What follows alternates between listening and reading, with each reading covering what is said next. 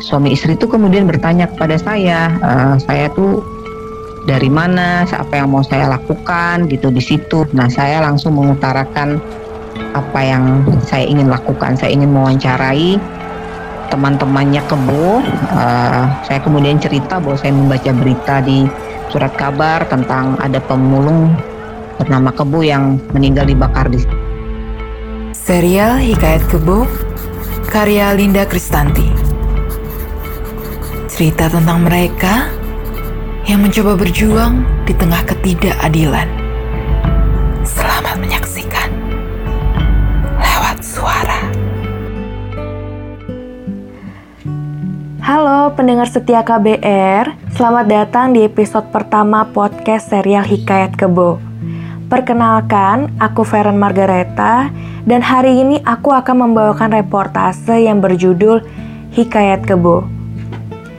Sekedar informasi singkat, reportase yang aku bawakan ini merupakan karya dari seorang penulis bernama Linda Kristanti dalam bukunya yang berjudul Hikayat Kebo. Buku Hikayat Kebo sendiri berisikan kumpulan reportase yang memotret ketimpangan sosial dan ketidakadilan yang pernah terjadi di Indonesia. Oleh karena itu, podcast ini akan menyajikan beberapa reportase yang bisa kamu dengarkan dan nikmati dalam bentuk audio. Reportase Hikayat Kebo sendiri menceritakan tentang sebuah peristiwa yang terjadi pada tahun 2001 di mana ada seorang pemulung yang dibakar hidup-hidup oleh warga setempat.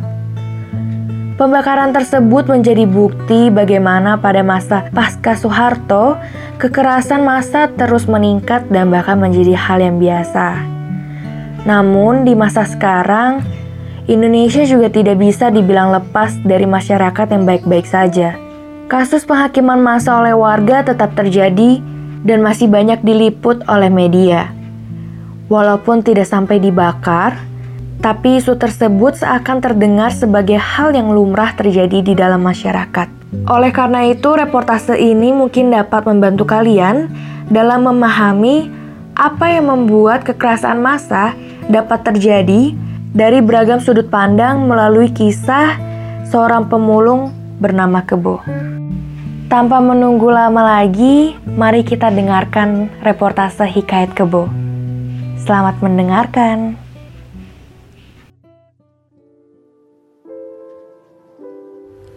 Jalan itu lurus. Berangkal batu, pecahan keramik, kristal semen melapisi permukaannya. Bias cahaya meriah dari papan reklame dan logo pertokoan memberinya siluet. Minggu, 20 Mei 2001, pukul 21 sebuah taksi biru merayap di sana. Jarum speedometernya menunjuk angka 15 km per jam. Setelah melampaui satu tikungan dan disambut sorot neon 40 watt, kendaraan tersebut berhenti. Tepat di muka pemukiman para pemulung, enam pria melompat dari dalam taksi. Kemudian sibuk menarik tubuh seseorang dari jok belakang. Kedua tangan dan kaki orang tersebut terikat kawat. Rintihan parau terdengar lemah dari tenggorokannya. Dia sekarat. Orang-orang mendekat dengan rasa ingin tahu. 50 meter dari tempat kejadian, di samping pagar seng yang membatasi pemukiman tersebut dengan perkampungan, ada sebuah jalan kecil. Nama jalan tertera pada papan hijau tua yang terpancang di mulutnya. Jalan Tanjung Palapa. Farid tinggal di tepi jalan itu. Dia mahasiswa sebuah sekolah tinggi publistik di Jakarta. Dia baru saja pulang ketika keponakannya memberitahu ada keramaian dekat pemukiman para pemulung. Farid bergegas ke sana. Masa berkumpul sekitar 50 orang, terdiri dari warga setempat, pemulung, dan tukang ojek. Farid mencoba menerobos kerumunan, mendesak maju. Di tanah menggeletak tubuh seseorang. Ini siapa? Ini kebo. Tiba-tiba, Seorang pemulung mengguyur tubuh tak berdaya ini dengan minyak tanah. Masa hanya menonton. Tolong jangan di sini. Kalau ingin menghakimi dia, itu urusan kalian. Tapi jangan di sini. Dia khawatir nama kampungnya tercemar akibat tindak kriminal, bukan pada nasib korban. Seakan menyetujui peringatan tadi, empat pria mengangkat tubuh kebo, lalu meletakkannya dalam gerobak, bersatu dengan sampah plastik dan ban mobil bekas. Para pemulung itu mendorong gerobak ke tempat pembakaran sampah, sampai berhenti di bawah sebatang pohon mangga. Salah seorang dari mereka menyalakan korek api.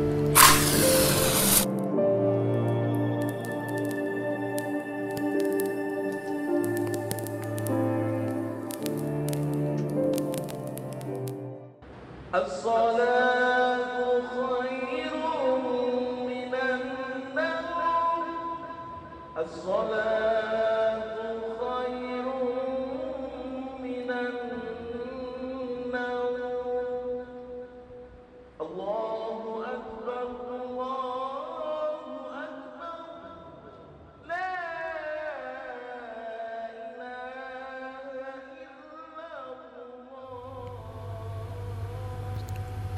Karimun Usman baru saja selesai sholat subuh. Rambut mulai memutih di usianya yang menjelang 60. Sang istri, Siti Royamah, tengah sibuk di dapur. Karimun biasa sarapan dengan beberapa iris roti tawar dan secangkir kopi. Sebelum berangkat ke gedung parlemen di Jalan Gatot Subroto, Jakarta Barat. Tempat dia melaksanakan tugas sehari-hari. Dia berkantor di sana sejak 1999. Saat berkunjung ke kebun bunga milik seorang sahabat di Cibodas, Jawa Barat, pada 31 Januari 1999, Karimun bertemu Megawati Soekarno Putri, Ketua Umum Partai Demokrasi Indonesia Perjuangan PDIP. Mereka berbincang-bincang dan ternyata menemukan kecocokan dalam cara pandang terhadap berbagai konflik di Indonesia. Politik memang dunia yang intim dengannya sejak lama. Karimun pernah menjadi ketua anak cabang Partai Nasional Indonesia di Cotgire, Loksukon, Aceh Utara pada 1966.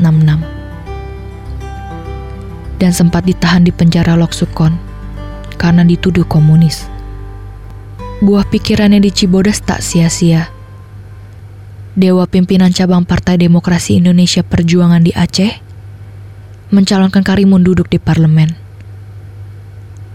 Karimun terpilih sebagai wakil partai berlambang banteng gemuk tadi.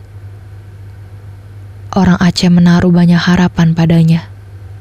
Dia punya ruang untuk memperjuangkan kedamaian dan keadilan bagi rakyat di negeri yang masih bergolak itu.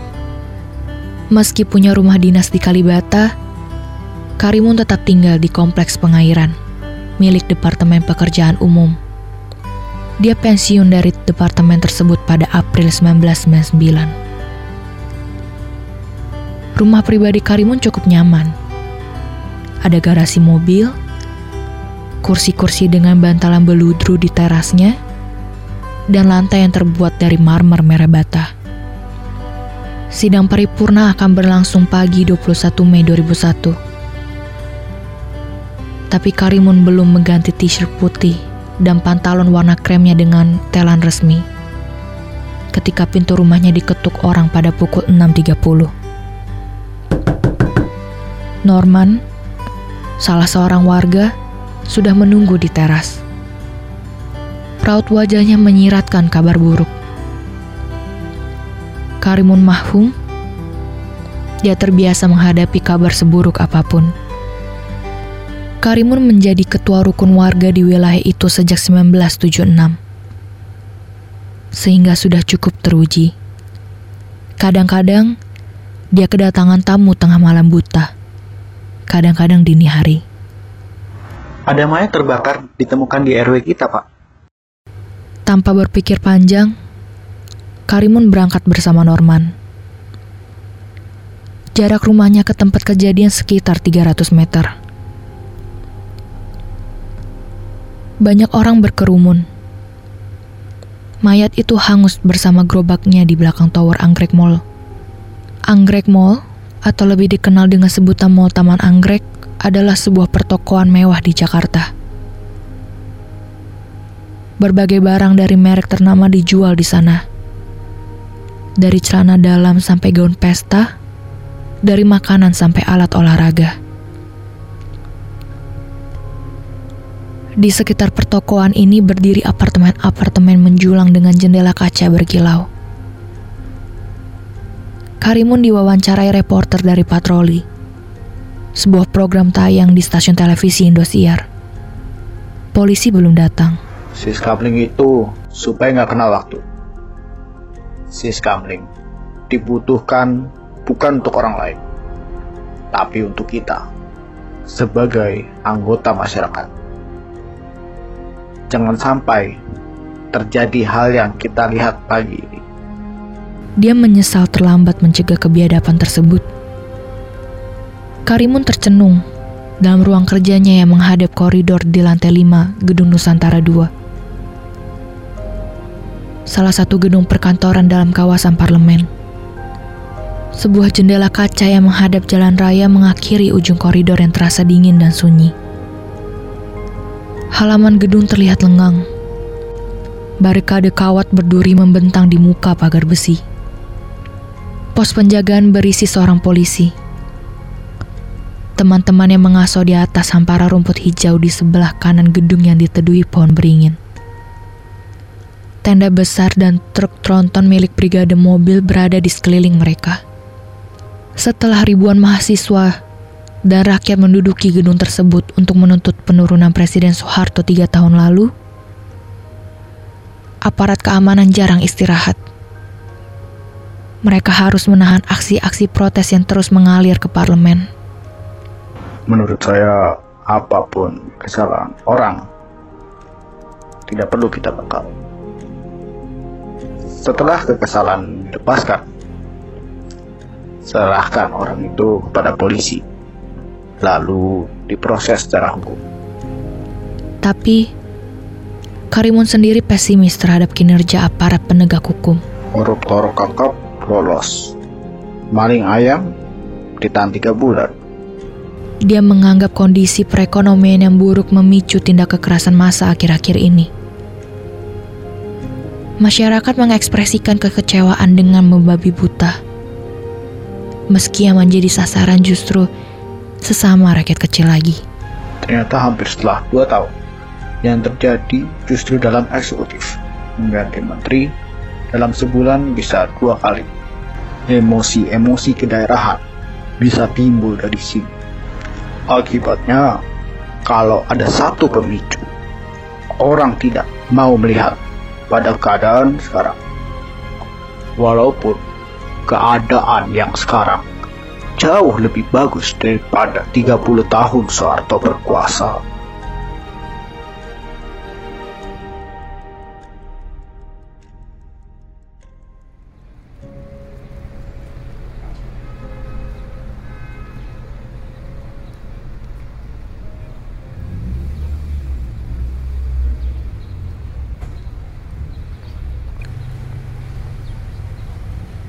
Cerobong bangunan yang tersaput jelaga itu terus-menerus menyemburkan asap hitam ke langit biru.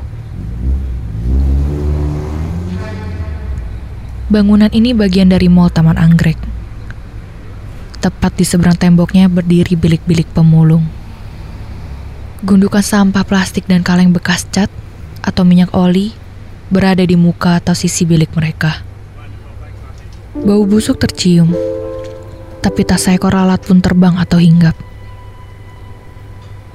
Bunga-bunga liar berkelopak putih dengan sepuhan ungu mendekati putiknya, menjalar di atas tanah. Kebo hampir setahun tinggal di lapak tersebut. Dia seperti para penghuni lain, memiliki sebuah bilik untuk berteduh. Bilik kebo berdinding triplex dengan atap seng dan tambahan triplex pada bagian tertentu. Jarak lantai ke langit-langit satu setengah meter. Luas bilik 2 kali dua setengah meter persegi. Karpet merah darah dari bahan sejenis wall melapisi lantai bilik yang terbuat dari tanah. Tempat tidur kayu tanpa kasur merapat ke salah satu dinding. Kebo menyimpan beberapa potong pakaian dalam tas olahraga warna biru. Semua ini kekayaan yang dia miliki. Kamar kebo lebih mirip gua, tanpa jendela. Di siang hari terasa pengap, sedang di malam hari begitu lembab. Cahaya matahari dan pergantian udara melewati satu-satunya lubang pada dinding. Sebuah pintu yang terbuka. Kebo menggunakan kamar tersebut untuk tidur. Dan sering kali dalam keadaan teler akibat pengaruh alkohol. Dia gemar minum arak atau anggur hitam. Seorang pelacur biasa menemaninya bersenang-senang. Namun, perempuan yang dibawanya silih berganti. Kebanyakan mereka berusia setengah tua dan sering kali berhubungan atas dasar suka sama suka. Bila musim hujan tiba, lantai bilik tergenang air dan berlumpur. Penghuni lapak mencoba menimbun lantai bilik mereka dengan puing dan kayu meski air yang turun dari langit nyaris tak terbendung. Kebu melakukan hal yang sama, lalu menjemur karpet yang basah berlumpur. Lapak-lapak pemulung ini berdiri di atas lahan seluas 5 hektar. Sebelum gerakan reformasi pada 1998, tanah tersebut tercatat sebagai milik Yayasan Bakti Putra Bangsa. Papan nama yayasan menancap di atas lahan yang gersang. Hutomo Mandala Putra, putra bungsu mantan Presiden Soeharto, orang nomor satu yayasan itu. Ketika Presiden Soeharto berkuasa, keluarga dan kroninya menguasai sebagian besar aset ekonomi serta perdagangan di Indonesia. Praktik kolusi, korupsi, dan nepotisme menjadi lumrah. Menjelang detik-detik kejatuhan Soeharto pada 1998, perekonomian Indonesia mencapai kulminasi paling buruk. Sistem ekonomi dalam negeri yang lama bobrok, ditambah krisis mata uang yang melanda negara-negara Asia, membawa petaka. Nilai rupiah meluncur dari 2.300 rupiah per dolar Amerika pada Juli 1997 ke angka 17.000 rupiah per dolar Amerika pada Januari 1998. Pertumbuhan ekonomi turun 15% secara keseluruhan, seiring krisis di sektor-sektor kunci. Pada Juni 1998, sektor pertanian menurun 2,4 persen, manufaktur 19,3 persen, pertambangan 8,3 persen, dan perdagangan serta jasa 25,2 persen. Jumlah penduduk Indonesia yang hidup di bawah garis kemiskinan meningkat hampir 50%. Dan kebanyakan terkonsentrasi di wilayah Jawa. Pendapatan per kapita menurun dari 1088 dolar per kapita pada 1997 ke 610 dolar per kapita pada 1998. Di masa krisis ini pula, Gubernur Jakarta Sutioso memberi kesempatan pada masyarakat kota untuk menggarap lahan-lahan tidur, baik milik pemerintah maupun perusahaan. Akibatnya, orang berbondong-bondong membuat sertifikat atas lahan yang bukan milik sendiri. Bahkan, di antara mereka ada yang menyewakan lahan tersebut pada orang lain. Seorang demi seorang datang, mengguntingi kawat pembatas, dan mengikat tali rafia pada tiang-tiang kayu untuk bermukim. Kebo termasuk dalam gelombang pendatang. Dia sudah lama menjalani hidup semacam itu. Berpindah-pindah dari satu tempat ke tempat lain. Baginya, itu hanya siklus yang biasa. Seperti matahari terbit atau terbenam. Selain mengumpulkan sampah plastik atau kaleng dan menjualnya kepada bos lapak, Kebo menimbun lubang-lubang di sepanjang jalan Tanjung Palapa dia memiliki sebuah gerobak kayu untuk mengangkut bahan baku perbaikan jalan itu. Kedengarannya mulia. Tapi habis minta uang sama orang-orang, kalau nggak dikasih, nabok. Habis nguruk, dia minta bayar. Terus suka teler. Kebo memang bukan jenis yang bisa menimbulkan rasa nyaman. Tubuh kebo penuh tato. Tato ular kobra di lengan kiri, betis kiri, dan betis kanannya. Pada lengan kanannya ada tato kalajengking. Punggung kebo berhias tato wajah perempuan berambut panjang. Namun, cara kebo berpakaian cukup parlente. Dia gemar mengenakan setelan jaket dan celana jeans sepatu kulit warna coklat melengkapi penampilannya. Tinggi pria ini sekitar 157 cm, berkulit hitam dan agak gemuk. Usia kebo 40 tahun. Ini usia berdasarkan surat nikahnya dengan Muah binti Soekardi. Di situ, nama kebo tertulis Ratno bin Karja.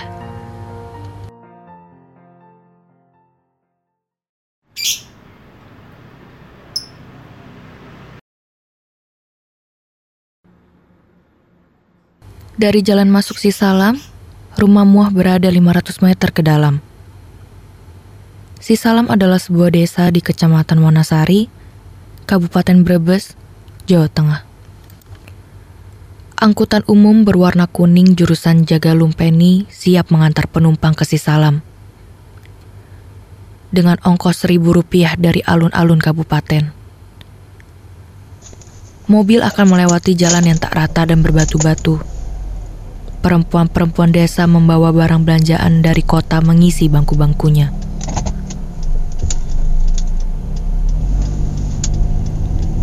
Dandanan mereka sederhana. Ada juga yang bertelanjang kaki. Si Salam tertera dalam daftar desa tertinggal. Kebanyakan penduduknya bekerja sebagai buruh tani. Listrik baru dua tahun masuk desa. Sekolah dasar hanya satu pusat kesehatan masyarakat belum ada. Tak ada papan nama desa di jalan masuk. Sebuah jembatan kembar berada di muka jalan yang terbuat dari tanah dan batu kali berwarna hitam itu. Jejak hujan tertinggal pada cerak-ceruk jalanan yang tergenang air. Pagi itu Mua bersimpuh di lantai semen yang dingin. Sorot matanya sayu, wajah bundarnya tanpa riasan. Muah tinggal bersama putri angkatnya, Teti, yang berusia 13 tahun. Kebo dan Muah merawat Teti sejak anak tersebut masih bayi, karena perkawinan mereka tak membuahkan keturunan. Rumah ini peninggalan mbah saya. Arsitektur rumah tersebut amat sederhana. Dua buah jendela dan sebuah pintu di bagian muka Langit-langitnya memperlihatkan komposisi kayu yang silang menyilang. Sedang sinar matahari menerobos ke dalam dari celah-celah genteng yang berlumut. Dinding-dinding rumah dikapur putih. Perempuan ini menarik napas dalam-dalam, lalu mulai bercerita. Pernikahannya dengan Kebo adalah pernikahan kedua. Usia pernikahan pertamanya hanya bertahan setahun meski dia dan suaminya saling cinta. Orang tua suami pertamanya, Damat, tidak menyukai Muah yang miskin. Mereka mencarikan istri lagi untuk Damat. Pertemuan Muah dan Kebo juga kebetulan. Saat itu Muah ikut orang tuanya yang jadi pemulung di Pisangan, Jakarta. Muah berjualan pecel di samping bilik mereka. Kebo baru saja keluar dari penjara telah mendekam di sana selama enam bulan. Dia juga tinggal di lapak itu. Kayem, ibu muah, menegur kebo yang kebetulan lewat. Bu, kebo, kapan lu pulang? Nama orang kok kebo sih, Mak? Ya, memang begitu. Dipanggilnya kebo. Kebo begitu. Suatu hari, Kebo membeli pecel dagangan muah dan hatinya berdesir melihat perempuan itu. Itu cewek boleh juga. Kebo pantang menyerah. Saat kaki muah luka tergores kaleng, Kebo membelikannya sandal jepit. Kamu mau nggak kawin sama saya? Muah ragu-ragu. Saya ingin jadi orang Jawa, jadi orang tani. Kalau situ mau sama saya, yang penting situ insaf. Berhenti mabok. Asal lu baik, gua nggak apa-apa kawin sama lu. Ketika Mua hendak pulang kampung, Kebo memaksa ikut. Mereka sempat kumpul kebo selama enam bulan dan berkali-kali digerebek pemuda setempat. Pada 18 November 1986, Kebo dan Mua menikah di Sisalam. Tak seorang pun dari pihak keluarga Kebo hadir. Asal-usul Kebo tak jelas. Saat berpacaran dengan Kebo, Muah sempat bertanya, Lu kampungnya di mana? Orang tua lu di mana? Di Dongkal. Cuman waktu kelas 1 SD, saya ngikut truk berangkat ke Jakarta. Terus bawa sarung sama ayam. Ayamnya nyolong punya orang tua saya. Ayam lagi angkrem diambil buat ongkos. Sejak itu, saya nggak pernah pulang. Kehidupan di jalanan mempertemukan Kebo kecil dengan pemungut puntung rokok dari tong-tong sampah kota. Pria yang kemudian mengangkatnya sebagai anak. Kebo tinggalnya nggak tetap. Semenjak dia di belakang mall Taman Anggrek, saya nggak ikut. Saya disuruh ngurusin anak. Kebo menitipkan uang belanja buat Muah melalui saudara atau teman sekampung yang datang ke Jakarta. Kadang-kadang, Kebo datang sendiri mengantarnya. Untuk dua bulan, kadang 150 ribu, kadang 100 ribu. Ini juga diminta lagi. Kalau dia mau beli minuman, 10 ribu, 20 ribu, yo lama-lama habis. Pernah sehari dapat 7 ribu, tapi nggak tentu. Kebo tidak berubah. Dia tetap suka menegak minuman keras. Bahkan, dia jadi amat pecemburu. Rasa cemburu membuat Kebo tega menyakiti istri sendiri. Saya ngasih nasi sama temannya, dikiranya saya senang. Kejadiannya di kampung sawah, Jakarta, di samping Mall Taman Anggrek. Saya dipanggil, terus saya, mulut saya bercucuran darah. Kebo boleh cemburu pada istrinya, tapi Mua harus menerima kehadiran perempuan lain dalam rumah tangga mereka. Pada 1988, Muah menengok suaminya di lapak Kemanggisan, Jakarta Barat. Seorang perempuan hamil bernama Yuli berada dalam bilik kebo. Di malam hari Muah terpaksa membiarkan suami dan kekasihnya itu bercinta. Akhirnya, Kebo mengutarakan niatnya untuk menikah lagi. Situ boleh kawin, asal ceraikan saya. Gue nggak mau ninggalin lu. Percuma, gak mau ninggalin tapi nyakitin terus. Gak apa-apa kalau kamu maunya begitu. Tapi kamu kan punya orang tua, punya saudara. Dalam keadaan marah, Kebo mengambil golok. Dia memotong telunjuk tangan kanannya sendiri.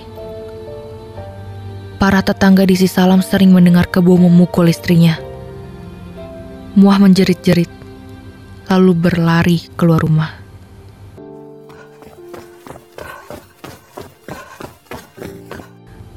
Muah terpaksa bersembunyi di rumah tetangga untuk menghindari kekerasan Kebo. Tapi nasib Muah tak selalu baik.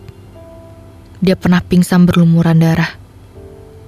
Kebo malah meninggalkannya, mencari arak dan mabuk.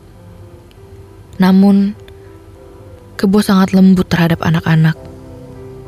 Dia senang mengajak anak-anak kampung pergi memancing. Kebo juga tak suka mendengar Muah membentak Teti saat mereka bertengkar malam-malam. Kebo tak ingin putrinya tahu. Suatu malam, di antara ribuan malam yang menakutkan bagi Muah, Teti terbangun mendengar suara gaduh. Ada apa sih, Pak? Bocah ini melihat kursi yang sudah terjungkar balik di lantai. Nggak ada apa-apa kok. No adalah panggilan untuk anak perempuan. Pada 1992, Kebo membuat ulah pertama kali dengan penduduk kampung Sisalam. Dia mengancam seorang pria bernama Soka. Kebo menempelkan golok di leher Soka sambil menggiringnya mondar-mandir di jalan desa. Penduduk menyaksikan, tapi tak berani melerai. Soka ini pendatang, sama seperti kebo. Mungkin mereka ini menunjukkan siapa yang paling berkuasa, tapi hanya sekali itu. Dia nggak pernah bikin keributan lagi dengan warga sini.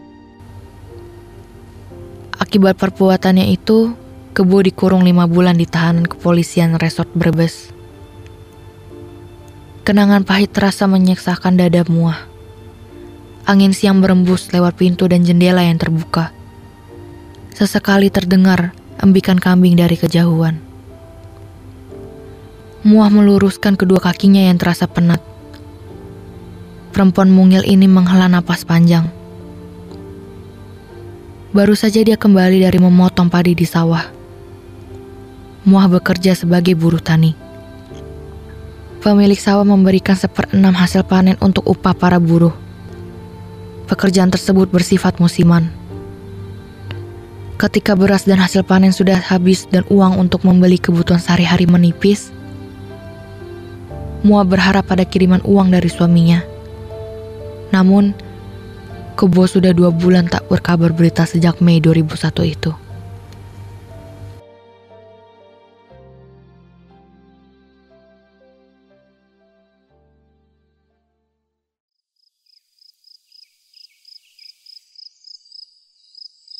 Senja turun pada Jumat 18 Mei 2001. Dua pelacur, Lina dan Unyil, menemani Kebo yang teler dalam biliknya. Biasanya, Kebo hanya ditemani salah seorang dari mereka. Kali ini agak istimewa. Pintu bilik Kebo tertutup rapat. Kebo dan dua perempuan ini tenggelam dalam kesenangan mereka. Tiba-tiba Kebo menyuruh Unyil dan Lina melakukan adegan lesbian seperti dalam film biru. Kedua perempuan tersebut menolak. Kebo marah dan mengancam akan membakar bilik. Dengan langkah sempoyongan dia berjalan ke ambang pintu. Seorang pemulung lewat. Kebo berteriak, memintanya membeli minyak tanah. Pria ini tak bersedia. Kebo lantas menempelkan golok ke leher pria tersebut yang buru-buru memenuhi permintaan Kebo. Kebo menyiram tempat tidur kayunya dengan dua liter minyak tanah, lalu menyulut korek api. Lina dan Unyil nekat membuka pintu. Mereka lari tunggang langgang. Pukul 18.15, api menyala. Bilik kebo terbakar. Api merembet ke bilik-bilik tetangga. Kebo kaget. Nalurinya menyuruh kabur. Teriakan panik terdengar santer.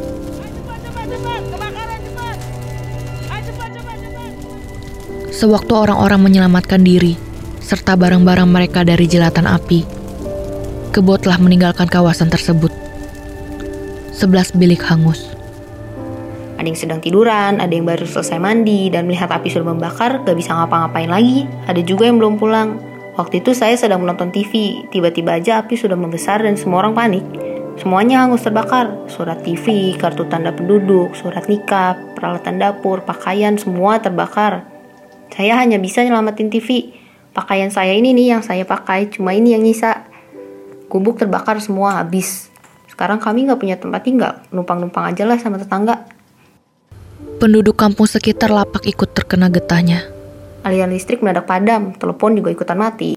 Dua hari kemudian, pemulung-pemulung yang membawa besi, golok, dan kayu menemukan keboteler di lapak kayu Kedoya Utara, Jakarta Barat. Jumlah mereka 32 orang. Tentu bukan lawan yang seimbang. Kebo dianiaya beramai-ramai tanpa melakukan perlawanan. Setelah dia jatuh pingsan, para pengeroyok mencegah taksi untuk membawanya kembali ke belakang mall Taman Anggrek. Di Sisalam, Mua makin gelisah. Kebo belum juga pulang. Tak tahan menanggung penasaran, dan meminta Wage, Hansip Sisalam, mengantarnya ke Jakarta. Pada 22 Mei 2001, mereka sampai di Terminal Pulau Gadung. Wage membeli surat kabar pos kota. Jantung pria ini berdetak keras saat menyimak sebuah kolom di kiri halaman muka. Muah yang buta huruf tenang-tenang saja. Suamimu lagi ada masalah. Saat Muah dan Wage menghadap Brigadir 1, Eko Kuswanto di kantor kepolisian Resort Jakarta Barat, delapan tersangka berkumpul di ruang yang sama. Polisi hanya berhasil membekuk tersangka penganiayaan kebo, termasuk Suhari, paman Muah, dan Zumadi, adik Muah satu ibu. Empat pembunuh kebo masih buron. Sebelum menghilang, mereka mengumumkan kematian kebo pada pemulung lain sambil tertawa bangga. Muah tidak ingin menuntut kematian kebo secara hukum. Seorang polisi wanita yang ikut hadir terkesima. Saya itu juga perempuan, Bu Muah. Masa orang berumah tangga itu nggak ada kasih sayangnya? Wage membantu Muah menulis surat pernyataan. Setelah itu Muah membumbukan cap jempol di atasnya. Sekalipun dia dibunuh seseorang, tapi dia orang jahat. Saya masih ingat, dulu pemerintah mengadakan misterius itu. Pemerintah juga membunuh orang kok, orang jahat.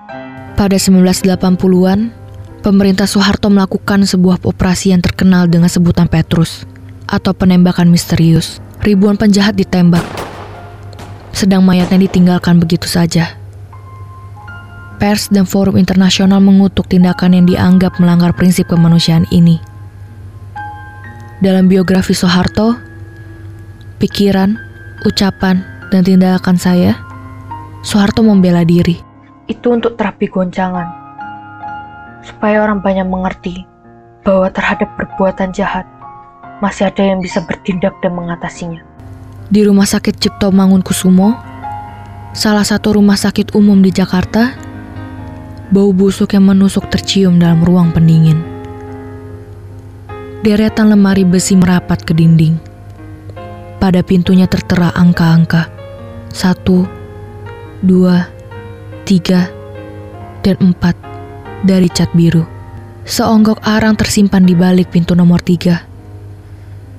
Dalam daftar registrasi petugas kamar mayat tercantum catatan tanpa nama Polsek Tanjung Duren luka bakar. Tak ada pihak keluarga datang mengambil mayat tersebut. Pada 25 Mei 2001, petugas kamar mayat membawa mayat tanpa nama tadi ke pemakaman massal Tegal, Alur, Jakarta Barat. Penggali kubur menimbun tanah di atas lubang. Kebo kembali sendirian. Arnold Toynbee, sejarawan Inggris terkemuka, mengatakan bahwa menjadi pemimpin bagai berada di antara dua celah sempit. Bila berteguh pada pendirian, akan jadi diktator. Tapi terlalu mendengarkan rakyat membuatnya terkesan lemah. Pemerintahan Abdurrahman Wahid alias Gus Dur mengalami hal itu. Di tengah warisan krisis yang parah dan ancaman disintegrasi berbagai wilayah, Gus Dur serba salah. Tawaran bantuan dari IMF datang, tapi bukan tanpa pamrih. Syaratnya antara lain subsidi bahan bakar minyak dan listrik harus dicabut. Padahal kesulitan ekonomi masih mendera rakyat.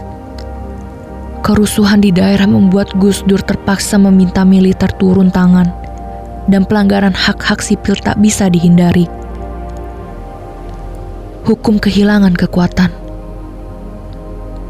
Penghakiman massa terhadap pelaku kriminal maupun tersangka kejahatan menjadi fenomena. Rakyat bertindak sendiri untuk mempertahankan milik mereka yang tersisa. Tindakan massa itu tidak benar. Itu pembunuhan. Polisi mengeluarkan tembakan peringatan kalau situasinya demikian. Polisi sering gagal meredam massa yang marah. Korban tewas di depan mata mereka. Pada situasi di era reformasi, orang ingin bebas, demokrasi kebablasan. Semua hal dihadapi dengan people power. Polisi akan bertindak tegas karena ada juga korban yang jadi korban. Ini yang lebih memprihatinkan. Istilahnya, Terjadi maling teriak maling. Penjahat itu kan sudah tahu bahwa masa akan menghakimi mereka, sehingga mereka melakukan ini. Di Indonesia, lebih seribu orang jadi korban kekerasan massa tahun lalu. Harian Kompas memuat 46 peristiwa pengeroyokan yang disertai pembakaran sepanjang Januari 1999 di Jakarta, Bogor, Tangerang, dan Bekasi. Wilayah Jakarta Barat merupakan peringkat pertama dalam jumlah korban. Masyarakat kawasan ini dikategorikan tega. Delapan kasus pembakaran orang hidup-hidup berlangsung di sini. Data forensik dari Universitas Indonesia menunjukkan korban kekerasan massa pada tahun 2001 di Jakarta mencapai 86 kasus pembakaran korban. Kebo hanya melanjutkan daftar panjang tadi Adrianus Meliala, kriminolog dari Universitas Indonesia, mengatakan kekerasan massa sekarang memasuki tahap yang sulit dihentikan. Dia curiga media massa terlibat. Media massa harus puasa memberitakan. Internet tidak berpengaruh pada masyarakat kelas bawah, sedang televisi kurang berpotensi. Televisi juga terlambat mengambil gambar. Mereka tak punya gambar yang bagus. Misalnya, yang ditayangkan patroli itu, gambarnya tidak berbicara dan tidak cukup melekat di memori. Media cetak lebih berpengaruh. Pos kota misalnya, headline-nya bukan pada perilaku masa yang brutal, tapi mengarah pada korban yang gosong. Yang news yang makin gosong itu, makin sadis berita itu, makin oke. Okay. Tidak semerta-merta memang, tapi kemudian kelompok masa yang marah melihat kok model itu cocok dengan mereka.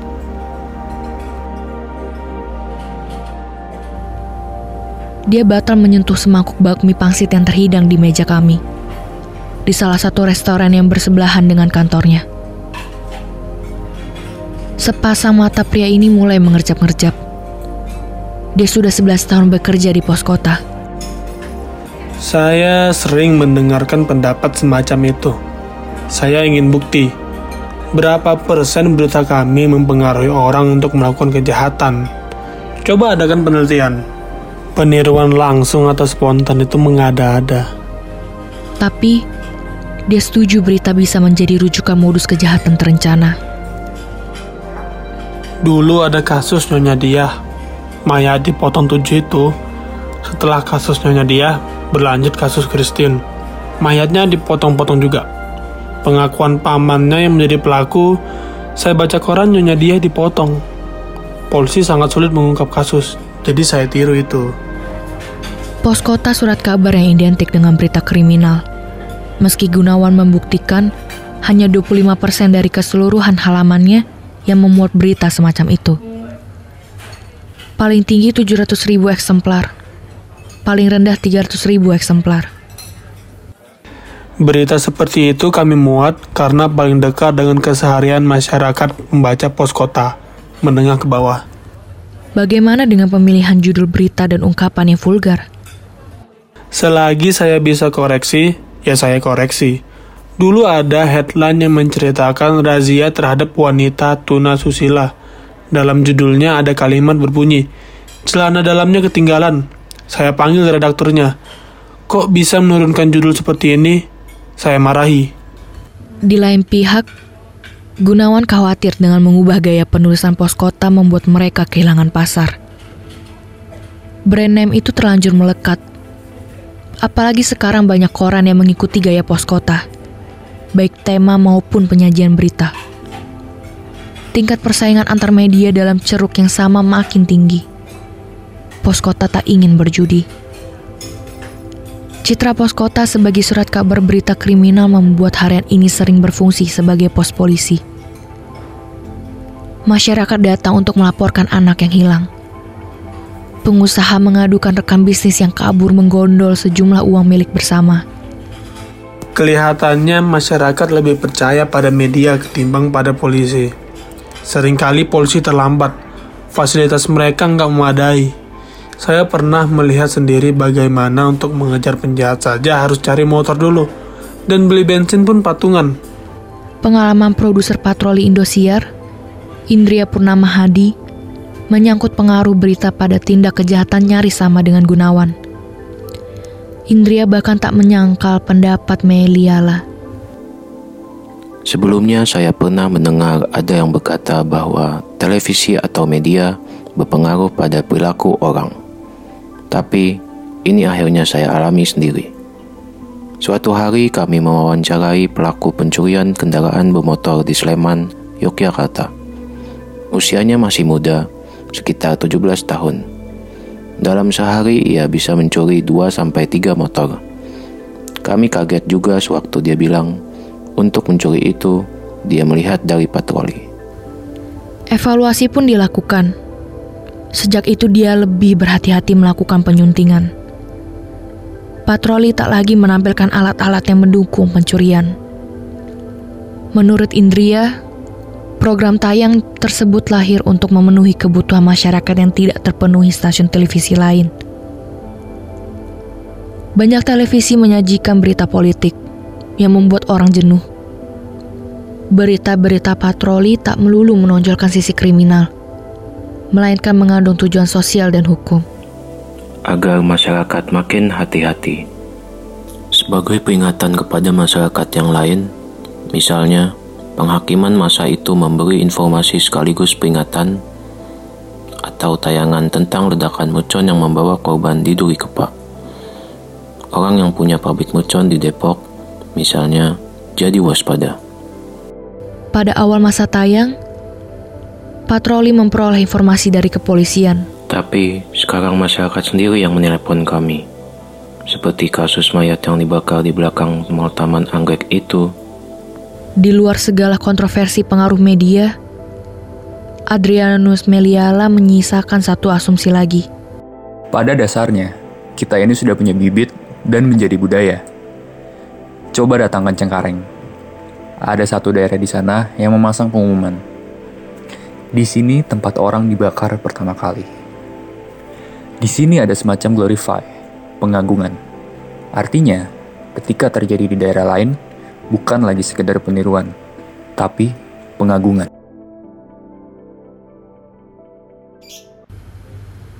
Pertengahan Juni 2001, mata muah kembali menerawang. Berbagai perasaan berkecamuk dalam benak wanita ini. Bagaimanapun, dia suami saya Ya kadang kangen, tapi dia begitu. Nani, istri lurah si Salam, menghibur. Sudahlah, kini kowe sudah bebas. Nanti cari suami yang baik. Kecemasan Mua masih tertuju pada yang hidup. Kasihan adik saya, anak-anaknya masih kecil. Surat perpanjangan penahanan Zumadi yang dikeluarkan pihak Kejaksaan Negeri Jakarta Barat menggeletak di lantai semen yang dingin. Ratusan kilometer dari Sisalam, cerobong bangunan yang tersaput jelaga itu terus menyemburkan asap hitam ke langit biru. Bekas-bekas bilik yang terbakar menyuguhkan pemandangan mengenaskan. Kerangka kursi panjang teronggok di muka bilik kebo yang tinggal puing. Karpet merah miliknya masih tersampir di tali jemuran. Seorang pria berkaos singlet mendorong gerobak di antara sampah kaleng dan plastik. Muakini termangu memandangi serpian-serpian kertas yang berserak di lantai. Surat nikahnya. Kebo merobek surat tersebut saat mereka bertengkar hebat untuk kesekian kali. Akan saya simpan terus. Kenang-kenangan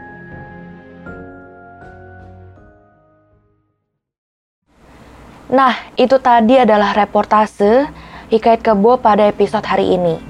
Aku harap kapan pun dan di mana pun kamu mendengarkan podcast ini, kamu dapat menikmatinya dengan baik ya. Seperti yang sudah aku sampaikan di awal, bahwa reportase ini merupakan adaptasi dari buku yang berjudul Hikayat Kebo karya Linda Kristanti. Oleh karena itu, Mari kita dengarkan wawancara singkat bersama dengan penulis buku Hikayat Kebo yaitu Mbak Linda Kristanti. Halo Mbak Linda, terima kasih atas kesempatan yang diberikan untuk melakukan wawancara ini. Aku ingin bertanya, apa latar belakang yang mendorong Mbak Linda sehingga Mbak Linda memutuskan untuk menulis cerita kebo dalam reportase Hikayat Kebo ini? Nah, pada waktu itu saya bekerja sebagai salah seorang redaktur di sebuah majalah yang pada waktu itu namanya majalah Pantau, majalah kajian media dan jurnalisme. Dan saya masih ingat itu mungkin sekitar tahun 2000-an atau 20 2001 ya atau 2002, seingat saya tahun pada tahun-tahun itu itu ada beberapa peristiwa yang menyangkut pengeboman kalau nggak salah ya. Jadi sempat ada setelah uh, pasca 9 September kalau nggak salah itu jadi teman-teman di majalah Pantau itu mereka melakukan peliputan tentang pengeboman itu dan juga mereka sempat berusaha un berupaya untuk membuat juga serangkaian wawancara dengan pelaku pengebomannya yang ada di penjara kalau tidak salah. Jadi mereka sedang mengkhususkan diri untuk menulis liputan tentang uh, peristiwa pengeboman di Indonesia juga gitu dan mau berusaha mewawancarai pelakunya. Nah, pada waktu itu saya kemudian uh, tidak ataupun belum mendapatkan penugasan kira-kira tulisan apa yang cocok untuk saya karena saya lebih sebetulnya lebih bekerja sebagai redaktur ya mengedit tulisan-tulisan apa pun gitu dengan tema apa pun yang masuk ke meja kami. Tetapi di majalah itu seorang redaktur pun harus melakukan liputan, liputan sendiri. Jadi selain mengedit tulisan para wartawan atau kontributor, kami juga harus membuat liputan sendiri. Nah, akhirnya saya ingat kemudian ada satu berita kecil di surat kabar Jakarta Post tentang uh, pemulung yang dibakar di di belakang Mall Taman Anggrek. Nah, itu hanya satu berita kecil saja di surat kabar Jakarta Post, tetapi dalam berita itu juga ada wawancara dengan salah seorang anggota parlemen yang namanya Karimun Usman. Pak Karimun Usman. Nah, kemudian uh, di hanya hanya pendek saja ceritanya tentang pembakaran pemulung. Jadi semacam berita apa ya straight news. Nah, kemudian akhirnya dari situ uh, saya ingat kami sempat mengadakan semacam diskusi juga ya dengan ada teman redaktur lain dan juga dengan atasan pada waktu itu yang dia mengatakan kepada saya uh, mungkin ini akan menarik kalau kamu membuat satu liputan panjang dengan gaya jurnalisme sastrawi yaitu dengan mewawancarai setidaknya orang-orang yang ada di dalam berita pendek itu. Jadi ditelusuri narasumbernya gitu uh, yang jadi menelusuri narasumber yang setidaknya ada di dalam berita pendek Jakarta Post pada waktu itu. Lalu bagaimana Mbak Linda menjalani proses selama liputan untuk menulis reportase Hikayat Kebo ini? Saya ketemu dengan petugas RSCM, petugas kamar mayat, dia menanyakan kepada saya, e, saya ini siapa, kok saya mau melihat orang yang sudah apa ya meninggal dibakar gitu. Saya bilang saya seorang wartawan, saya hanya ingin melihat saja. Nah terus uh, petugas bagian mayat itu ya sudah dia langsung mengizinkan saya dan sebelum kami pergi ke kamar mayat, saya kemudian boleh nggak Pak saya memeriksa uh, kan ada buku catatan yang berisi mayat-mayat itu. Nah dari situlah saya kemudian mendapatkan uh, nomornya semacam registrasi ya sepertinya kalau di kamar mayat itu ya. Lalu saya catat dan petugas kamar mayat ini mengantarkan saya melihat uh, di mana mayatnya kebo disimpan. Nah, nah setelah itu sudah petugasnya bilang e, bagaimana mbak sudah selesai ya sudah ditutup lagi. Setelah saya berhasil melihat kondisi mayat kebo yang sudah terbakar, saya kemudian pulang, kemudian saya mencatat nomor registrasi dia, kemudian saya juga mencatat kondisi dia dalam catatan uh, peliputan. Uh, saya kemudian pergi mencari di mana kebu itu lapaknya pemulung di mana kebu itu melakukan pembakaran itu dan kemudian dia dibakar itu berada. Nah itu di belakang Mall Taman Anggrek. Saya lalu pergi ke belakang Mall Taman Anggrek itu keesokan harinya. Ada sepasang suami istri uh, yang sedang mendorong gerobak mereka kalau tidak saya. Saya sudah agak lupa tapi detailnya ada juga tentang mereka di uh, hikayat kebo di tulisan itu. Suami istri itu kemudian bertanya kepada saya, uh, saya tuh dari mana, apa yang mau saya lakukan gitu di situ. Saya sedang mau melakukan apa, mencari siapa. Nah, saya langsung mengutarakan apa yang saya ingin lakukan. Saya ingin mewawancarai teman-temannya Kebo. Uh, saya kemudian cerita bahwa saya membaca berita di surat kabar tentang ada pemulung bernama Kebo yang meninggal dibakar di sini. Ya mereka bilang iya, mereka bilang ada, tapi ketika pertama kali ketemu mereka tidak kelihatannya mereka uh, tidak langsung mau bercerita banyak. Karena mungkin mereka juga bertanya-tanya saya ini siapa? Jangan-jangan saya reserse yang sedang ingin mencari pelaku lain? Meskipun sejumlah pelaku pembakaran kebu pada saat itu sudah ditangkap ya. Nah, kemudian saya kemudian lucu. Jadi uh, karena di kantor itu mungkin waktu itu saya cukup baru jadi wartawan jadi atasan di kantor bilang kalau kepada narasumber tuh harus transparan. Dan kami dilengkap dibekali dengan kartu nama. Jadi saya memberikan kartu nama saya kepada sepasang suami istri pemulung itu. Saya bilang saya seorang penulis saya wartawan ini kartu nama saya nomor telepon ada di situ juga alamat kantor. Lalu mereka simpan. Dan mungkin saya akan ke sini lagi nanti saya bilang. Nah, terus saya berjalanlah ke lapak pemulung itu dan suami istri juga berjalan ke arah lapak mereka gitu. Dan di situ ada orang-orang yang sedang makan di warung, yang mereka sibuk sendirilah. Dan mereka juga ketika saya bertanya, uh, mereka tidak langsung menjawab dengan hangat. Mungkin mereka juga mencurigai saya ya. Mereka pikir saya mungkin orang dari kepolisian.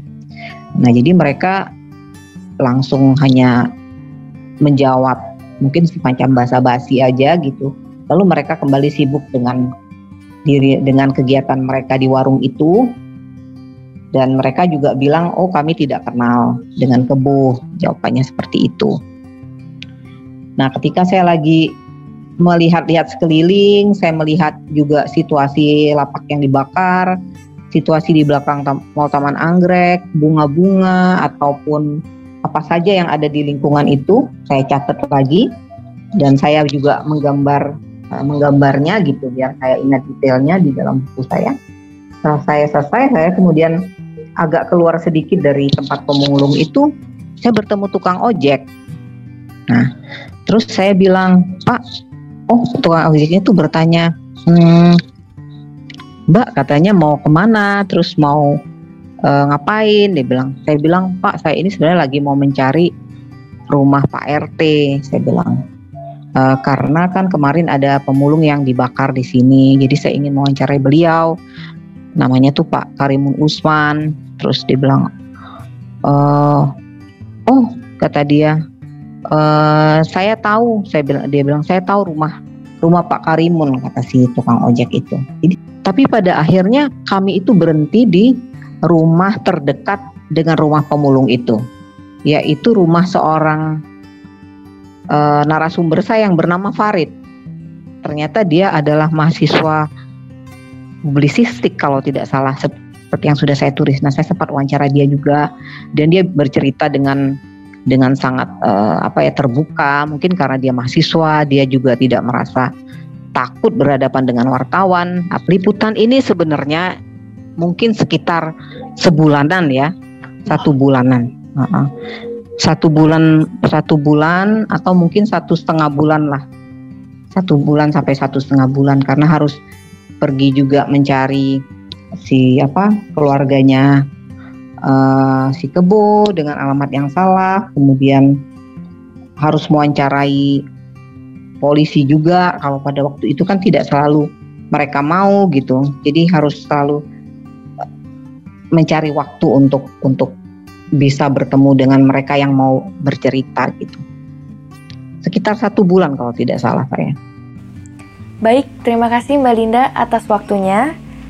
Setelah mendengar reportase Hikayat Kebo dalam bentuk audio, ditambah wawancara bersama dengan penulisnya yaitu Mbak Linda Kristanti, kita jadi tahu nih bagaimana proses Mbak Linda membuat reportase, khususnya reportase Hikayat Kebo ini.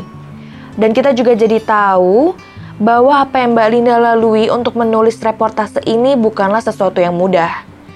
Oleh karena itu, aku ingin mengucapkan banyak terima kasih kepada Mbak Linda yang sudah dengan baik hati memperbolehkan karyanya aku adaptasi menjadi bentuk audio. Terima kasih juga kepada Universitas Multimedia Nusantara dan kantor berita radio yang telah membantu memfasilitasi podcast Hikayat Kebo ini. Aku harap podcast ini dapat bermanfaat bagi para pendengar di luar sana. Terus ikuti podcast serial Hikayat Kebo karena episode-episode dalam podcast ini tentu tidak akan kalah seru dari episode hari ini. Spoiler sedikit, karena bulan ini disebut sebagai Pride Month, episode minggu depan bisa jadi pilihan yang asik untuk didengarkan. Penasaran kan? Karena itu jangan lupa ikuti Instagram KBR di @kbr.id dan juga media sosial lainnya agar tidak ketinggalan update podcast-podcast yang ada di KBR. Khususnya podcast serial Kait Kebo dong. Sekali lagi aku ucapkan terima kasih untuk para pendengar yang sudah setia mendengarkan sampai akhir. Aku Feren Margareta, pamit undur diri. Bye.